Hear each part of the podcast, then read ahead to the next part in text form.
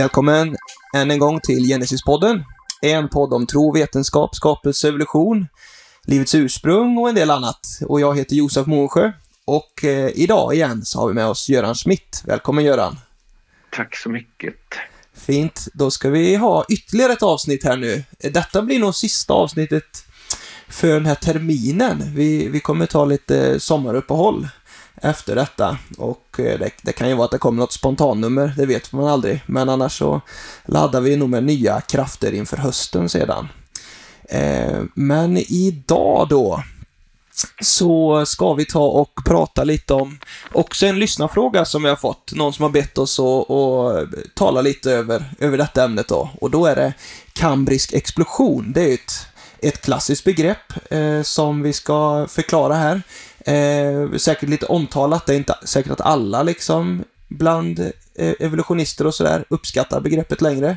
Men eh, det talar ändå om något. Och, och eh, kambrium då, det är ju ett eh, ett lager med eh, fossil en bra bit ner. Du får förklara mer där sen. Men, men eh, en explosion, så då säger det någonting om att det är någonting som exploderar och det är väl mängden mängden eh, djurliv eller mängden fossil som exploderar i, i det här eh, lagret. Från att det funnits lite i tidigare lager så finns det väldigt mycket här. Men eh, varsågod Göran, vad, vad är detta för någonting? Kambriska explosionen? Mm. Eh, först så är det väl ett par saker som man behöver förklara lite grann. Eh, det är så att eh, alltså geologer pratar vi om att det finns ett antal så kallade geologiska perioder i jordens historia. Eh, eh, alltså det, jag kan ta som ett exempel, vi har en liten sommarstuga som ligger vid foten av Kinnekulle. Och där eh, så brukar vi gå ner, jag gick ner senast igår, så gick jag ner till, till Vänern, då, till vattnet där och dök i. Eh, och då, då, då står jag där på en eh, granit, en, en slipad granithäll då eh, när jag dyker i. Va? Och eh, enligt eh, evolutionärt perspektiv på jorden, eh, om man nu talar om jordens evolution så att säga då, så, så, skulle då det här berget då vara flera miljarder år gammalt där jag står. Och, och just den här ytan där jag står, det, det skulle då ha varit ja, men kanske 600 eh, miljoner år gammalt eh, sen den blev, eh, blev till där. Och, och, och sen på det här, vi har ett litet torp som ligger en liten bit upp i sluttningen där så att, så att några meter högre upp då och, och den vilar då på sandsten så att så att säga det finns då ett, ett ja, jag vet inte exakt hur tjockt det är, kanske 20 meter med sandsten då som, som är en sedimentär bergart eh, alltså som, som då ligger ovanpå det här ur, så kallade urberget. Och sandsten är då en sedimentär bergart, det vill säga när man håller en liten, när man tittar i, i solen då så, så glittrar det liksom som tusen små stjärnor i en liten, varje liten bit av den här sandstenen. Då. Och, eh, och det är då berg som har bildats eh, genom eh, eh alltså att sand helt enkelt då har tryckts ihop och cementerat samman då. Eh, och, och, och, sen så finns det då andra, högre upp på Kinnekulle så finns det då andra bergarter. Det finns lite alunskiffer lite högre upp och så vidare. Och, och, och de här sandstenen och alunskiffer, de är då från det som brukar kallas för kambriska epoken då. Rättare sagt, alltså rent, rent faktiskt så är det ju då eh, så, så vittnar det helt enkelt om att sandstenen och det här andra, det lades då ner efter att urberget fanns på plats såklart. Va? Eh, tidsfrågan, där finns det mycket att säga och det ska vi kanske inte fördjupa oss i. Men, men det vi kan konstatera är att i de bergarterna, de är från Kambrium och där vimlar det, precis som du säger, av olika livsformer. Sen, sen så är det då andra berglager. Så högre upp i Kinnekulle så finns det då stort, mäktiga lager med kalksten som man har brutit då. Och de är från nästa så kallade tidsepok som heter ordovisium då. Och sen så högre upp finns det andra då. Eh, så, att, så där är, då den, alltså berggrunden eh, i stora delar av världen är då generellt sådan att, att det har, vi har ett urberg och sen så är det då sedimentära bergarter på det i en viss ordning och den ordningen är universell, det vill säga den, den är alltså den här sandstenen som, som vi hittar här, den hittar man på andra platser på jorden också. Eh, så, så att det här är enorma lager då. Och enligt, enligt klassisk eh, geologi så bildades de här lagren då med en hastighet av kanske ja, med några millimeter på tusen år och det, det, betyder att några meter, ja men det handlar om miljoner år för de här berglagren att ha bildats då. Och, och, och det är utifrån ett perspektiv där man utgår från alltså att de processer vi kan se i naturen idag, eh, alltså där sediment lagras långsamt på sjöbottnar och havsbottnar. Det, det, är den, det är det sättet som de bildades på en gång i tiden. Eh, det behöver inte alls ha varit så. Eh, som bibeltroende så, så, så, så, så har ju vi synen att det har skett eh, katastrofer i jordens historia. Det har skett alltså en, en global översvämning som bildar de här lagren. Men, men oavsett, eh, i, i, geologer menar så här att de eh, tidigaste berglagren där hittar man inga fossil och det är kanske inte är så konstigt i granit då eller grejs så att man inte hittar fossil men i Dalarna till exempel så finns det tjocka sandstensformationer, alltså dalasandsten som är sedimentära bergarter. Men i, där hittar man inte ett enda fossil, inte ett enda någonstans. In, inga spår överhuvudtaget. Och sett över globalt över hela världen så kan man säga att i de här första sedimentära berglagren som ligger, vilar på urberget, där hittar man bara tecken på liv i de allra, allra översta skikten så att säga. Va? Men i nästa lilla skikt på det, som då heter kambrium, eh, där vimlar det av olika livsformer då. Så att när jag går trappan ner till sjön då, då ser jag i, i, i, sandstenen där små, små runda grejer som, som då är eh, lämningar av fossil. Då. Och det finns enorma mängder, enorma mängder av, av liv i kambrium. Och där är problemet. Vad i all sin dar hände mellan prekambrium och kambrium? För i kambrium där, där finns Alltså om man tar alla de stora kategorierna av levande varelser som existerar idag, då finns det, det finns 36 stycken, eller antalet varierar lite grann beroende på så här, va? men, men, men det vanligaste är att man talar om 36 stycken stora kategorier eller fyla, ett fylum, flera fyla, eller stammar av levande organismer då, som skiljer sig åt i sin grundläggande struktur. Då. Och Eh, av de 36 eh, filer som vi har idag så hittar man alla utom nio i, redan i kambrium. Det är rätt fascinerande. Vi hittar alltså representanter från alla eh, nu levande filer utom nio. Det hittar man redan i kambrium. Då, och, och, i det som heter prekambrium, hur många finns det där? Där, där hittar man, det man hittar där är i stort sett, ja man hittar svampdjur, alltså, och då, då är det alltså typ tvättsvamp, nu vet sån här klassisk gammal tvättsvamp, den var ju från början, det är ju inte plast från början utan det var ju sånt som man hämtade från havet. Alltså svampdjurskolonier.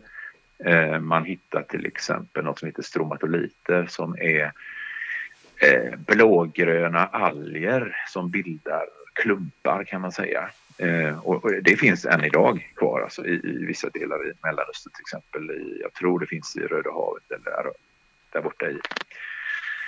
Eh, där finns det än idag, eller där borta vid Irak. Eh, jag kommer inte ihåg vad den, den viken heter, den stora viken. Men ja, hur som helst, det, det finns på jorden idag stromatoliter då, och det hittar man där i, i prekambrium och, och, och, eh, och, så vidare. Så att, men, men det är ytterst få, man hittar lite grävspår av eh, organismer, eh, små djur som, som, som antagligen har varit eh, mjuka och grävt i sanden, har lämnat spår efter sig sådär va. Men, men det är inte mycket alls alltså. Mm. Och det är just i det översta skiktet då eh, av, av prekambrium. Det finns något som heter Ediacara-faunan som från Australien där, där det finns lite olika små eh, svårtydda fossil. Då. En del menar till och med att det inte är djur utan att det är något annat. Liksom sådär. Men sen på det då så är det bara helt eh, enorm mängd med de här. Och då, jag kan säga också då, de där nio filer som, som man inte har hittat, det är allihopa av dem, det är antingen så är det små, små eh, kategorier av parasiter som lever i magen på fiskar och sånt. Eller så är det små pyttesmå djur som, som eh, idag lever mellan sandkornen eh, i, i, en sandbotten så att säga. Va? Så att de är så små och så udda så att frågan är om vi skulle förvänta oss att hitta dem i fossilen. Så att i princip kan man säga representanter från alla stora kategorier av organismer finns redan i Kambrium. Då. Och, det här visste redan Darwin, inte, inte i detalj här hur många fyrum och sånt där.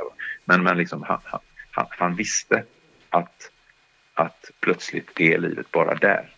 Och, och han hade många kritiker på sin tid. Eh, när Darwin kom med sin bok om arternas ursprung så hade han många kritiker som framför allt pekade på det här att det fanns ju faktiskt ingenting i fossilen som pekar på det du säger, nämligen att levande varelser successivt blir mer och mer utvecklade och sådär. För i fossilen ser vi något annat. Där ser vi ingenting, ingenting, sen ser vi allt och sen så ser vi att de här varelserna mm, hålls ungefär likadana eh, tills de dör ut eller till modern tid. Och det, och det är klart, det är inte alla, man hittar inte alla olika djur. Man hittar inte kanske giraffer och elefanter och sådär. Men, men är däggdjur, men... är det ett fyla? Eller hur? Nej, ja, eh, nej det är det, det, är det inte heller. Men, men, men kodater, alltså ryggsträngsdjur, är det. Ja, just man hittar alltså, och, och, och det, det, man kan säga så här, för att ta det hela enkelt. Antag att evolutionen vore sann. Antag att livet på jorden började med en primitiv varelse. Eh, då skulle den då långsamt ha förändrats genom mutationer och naturligt urval. Eh, och, och, så efter ett tag så blev det en liten variation där så att det blev någonting som man kanske skulle kunna kalla för en underart eller något. Va? Sen gick evolutionen vidare och, och till slut så grenade det ut sig och så blev det, tittar man då i ett tidssnitt kanske några miljoner år senare, ja då skulle man hitta att ja men det var faktiskt, det där skulle man kalla för, för olika arter faktiskt. Då, va? Som, som skiljer sig lite grann från den där första. Eh, och, så där. och sen så skulle tiden gå vidare och så skulle det bli mer och mer, arterna skulle bli mer och mer olika varandra och till slut skulle det bli någonting som man skulle kunna kalla för ett eget släkte. Så där, va? Och så skulle evolutionen kunna fortsätta så där och skillnaderna blir större och större och efterhand så blir det någonting som, det här är ju så olika så det skulle kunna vara en ny familj och så vidare. Va? Och, och, och, och, så skulle man hålla på så där och få olika ordningar och klasser och, och till slut så skulle man då få så stora skillnader så att man skulle kunna säga till och med det här är faktiskt olika fila. Ett filum för kräftdjur, ett filum för kordat, ryggrads ryggsträngsdjur och ett filum. Så här, va? Det, det, är vad man skulle förvänta sig utifrån en successiv gradisk evolution. Det vill säga att det börjar med små förändringar, alltså nya arter, sen nya släkten och, och, och, och till slut då de här stora kategorierna av skillnader som är fyra. Men vad hittar vi i fossilen? Vi hittar precis det hela rakt upp och ner. Därför att vi hittar först de olika grundplanerna, de olika stora kategorierna av organismer. Och sen högre upp, då kan vi i fossilen se att där blir det faktiskt lite artskillnader till slut och eh, bland trilobiterna eller så vidare. Och, och, och till exempel de jag ska säga, de armfotingarna som lever ute i Skagerrak här idag. De, de, ser nästan likadana ut som de som levde i Kambrium men det är lite skillnad här. Alltså, så, så, så, det är faktiskt precis tvärtom mot vad man skulle förvänta sig. Och då säger, vi har ju debatterat det här med evolutionister under lång tid. Va? Och då, då säger evolutionister precis som du säger, Ja, men man hittar ju inga kaniner i Prekambrium. Man hittar inga giraffer och, och så det tvättbjörnar i, i Kambrium. Eh, så, så hur förklarar ni det då? Men, men då är, är det ju så att eh, den stora eh, det är två saker där egentligen. Dels så är det då vilket perspektiv som vi som skapelsetron har istället för det här evolutionära scenariot. Då. Men sen så är det också det här att eh, Eh, den stora skillnaden mellan de här, eh, mellan de här eh, kategorierna av djur, det är då eh, den stora poängen med det. Därför att det, det visar att, att den stora evolutionen, alltså den, eh, de riktigt stora, viktiga evolutionära händelserna och, och, och de, alltså, de här riktigt stora programmeringseventen av genetisk information då, eh, som då har skapat det genetiska materialet då. Det måste ha skett någonstans mellan prekambrium och kambrium. Eh, utan att synas, utan att finnas spår av överhuvudtaget. Eh, så, att, så att jag skulle säga att 95 procent av den programmering av det genetiska materialet som behövdes under revolutionen, det finns där på plats redan. Så att det, det är inte... Eh, till exempel i, i, i Kambrium så finns det, har man hittat ett par arter av fiskar till exempel och jag menar, tittar du på den genetiska programmeringen av en Nu hittar man inte DNA där så vi kan inte se liksom vilket DNA som, som de fiskarna hade. Men vi kan titta på nu levande fiskar och konstatera att det finns jättestora skillnader i programmeringen mellan en människa och en fisk. Eh, eh, och, och, det, och det är ju då någonting som måste ha funnits eh, redan där. Så programmeringsmässigt fanns allt där redan. Så hur förklarar nu då Eh, hur förklarar man eller bortförklarar man nu det här faktumet att först finns det ingenting och sen finns det allt. Det, det. det är rätt eh, intressant. För De stora fråga. skillnaderna finns direkt, ja. Och, ja, precis. Men, men fortsätt, vad, vad, har, man, har man fler? Säger man att det har gått jättelång tid då mellan prekambrium och kambrium liksom, så att mm. det inte finns några spår eller vad? Ja, alltså hur förklarar... Alltså, ja, vad, vad, tror du? Vad, vad, ska man, hur ska man säga? Det finns lite olika varianter där. Jag skulle, jag skulle kunna gissa att man tänker sig att mutationen har gått väldigt snabbt eller någonting då, eller hur? Ja, det, det är det ju. Och, och, och, samtidigt så vet vi ju att, att, när det sker mycket mutationer på samma gång så är det väldigt farligt. Alltså det är ju det som gör att ett eh, eh, eh kärnkraftverksolycka olycka liksom, med mängder med Tjernobyl och allt detta. Det kommer mängder med, med, med strålning. Det blir massor av mutationer på kort tid. Det vet ju vi att det är någonting som är väldigt livsfrämmande, livsfräm... Alltså det, det är väldigt skadligt för levande varelser. Så att, att, att, att, tänka så, det, det, det, är liksom ett, eh, en väldigt dålig förklaring helt enkelt att tänka sig. För det. Alltså, en del förklarar det så här att jo, men alltså evolutionen och det är de, alltså som evolutionister är man helt överens om det att evolutionen måste naturligtvis ha försiggått en lång, lång tid innan det här lilla smala skiktet i eh, Alltså det brukar heta med, med den, den, klassiska tidsskalan då att mellan 530 och 525 miljoner år, alltså det är en, det är en promille av hela den geologiska skalan. Där exploderade livet liksom. Men som, det, som synes, alltså där, där uppträder det. Men tänker de allihopa att Självklart måste evolutionen ha försiggått under enormt lång tid, under många, många hundratals miljoner år innan dess. Men de blev aldrig bevarade som fossil. Det är deras. Och varför, kan, varför blev de inte bevarade från, från, som fossil då på den tiden i prekambrium? Jo, menar man då därför att det var antagligen var så att de hade inga skelett, inga yttre skelett, inga skal och liknande på den tiden. Så därför blev de inte bevarade. Men sen tänker de, så, så, så, så var det antagligen så att eh, kräftdjuren fick skal, musslorna fick skal, armfotingarna fick skal, sjöborrarna fick skal, korallerna fick sina yttre skelett eh, samtidigt. Och då först så kunde de då i kambrium då be, bli bevarade som fossil då. Det, det är liksom en, en sån där bortförklaring skulle jag säga som man har då. Men, men visst, det finns väl, man har väl fossil efter typ maneter och sånt här också eller? Ja, ja, ja, ja, visst är det så. Och de har ju inga skal. I, i, i. Nej, nej, nej, nej, nej. Det finns, det finns ju en, eh, det finns ett, ett av de där lagren i tidig kambrium då som heter eh, Burgess eh, Schiffer i USA. Där, där hittar man jättesnygga maneter och det gör man även i många andra geologiska lager hittar man jättesnygga manetfossil. Då.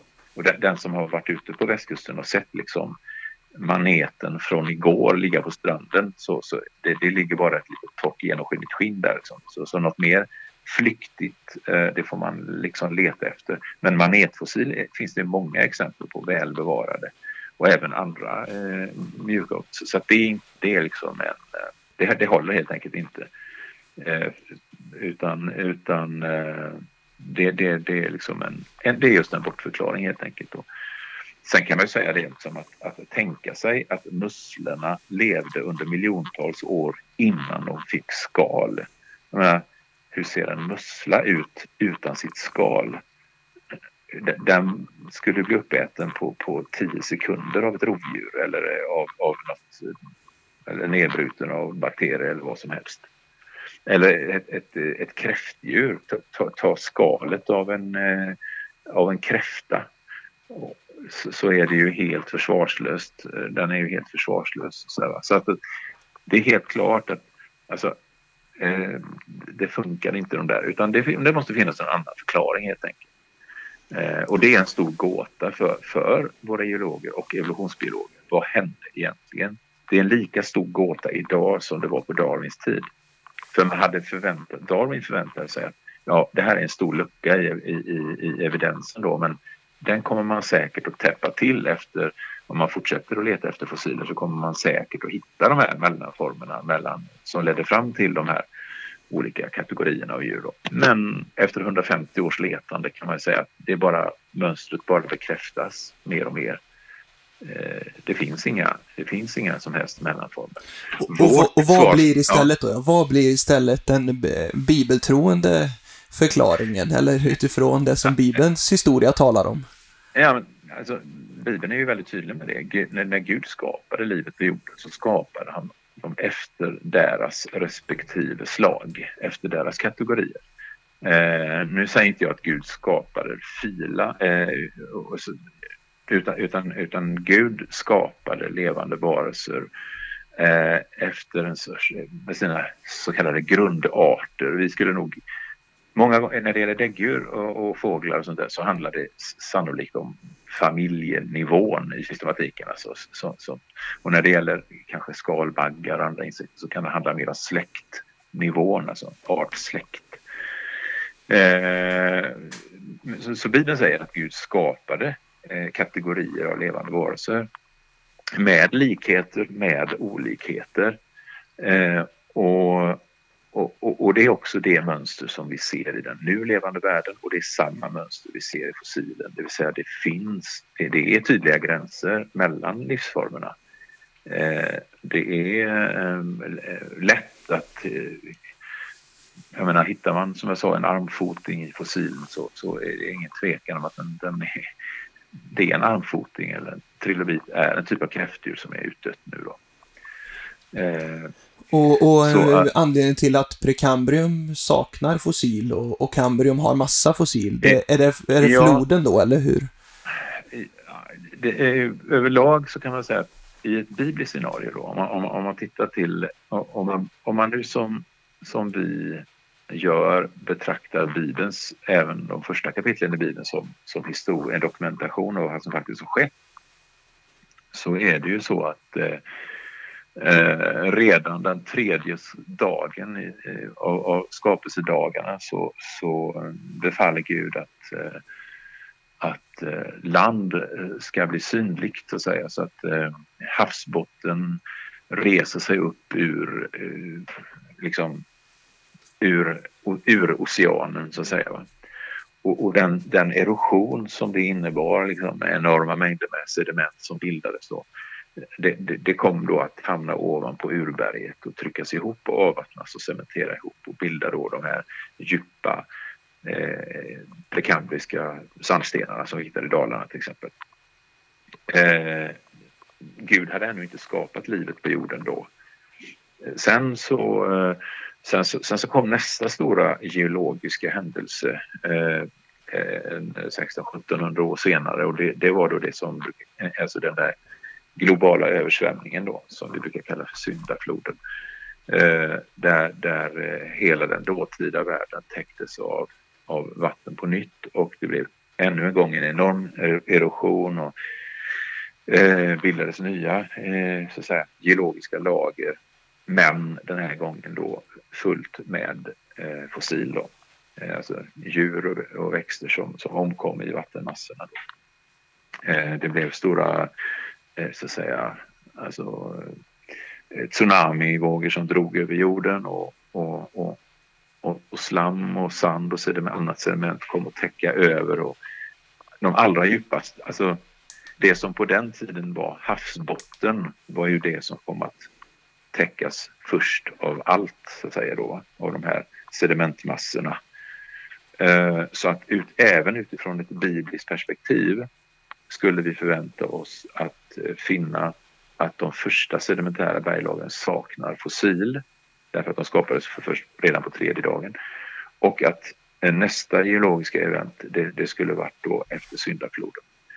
Eh, däremellan skulle man kunna förvänta sig hitta lite spår av jordarter och sånt, ja, alltså spår av erosion sådär, från tiden före syndafloden. Men sen då så kom då de här fossilförande lagren då och la, la sig ovanpå de prekambriska.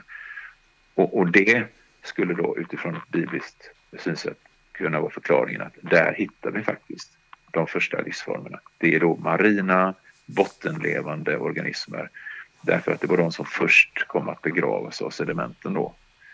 Eh, och, och, så det skulle, vi då, det skulle då vara de kambriska eh, lagren. De tidiga kambriska lagren skulle då vara de livsformer som på den tiden för syndafloden levde på de eh, havsbottnarna. Då. Alltså koraller, snäckor, armfotingar, som, som, som vi hittar där. Då. Så den, den kambriska eller explosionen förklaras bra utifrån ett bibliskt perspektiv då? Ja, det gör det. Och, och det alltså man kan ju minst sagt säga mycket bättre därför att det finns ju ingen som helst förklaring utifrån ett evolutionärt perspektiv.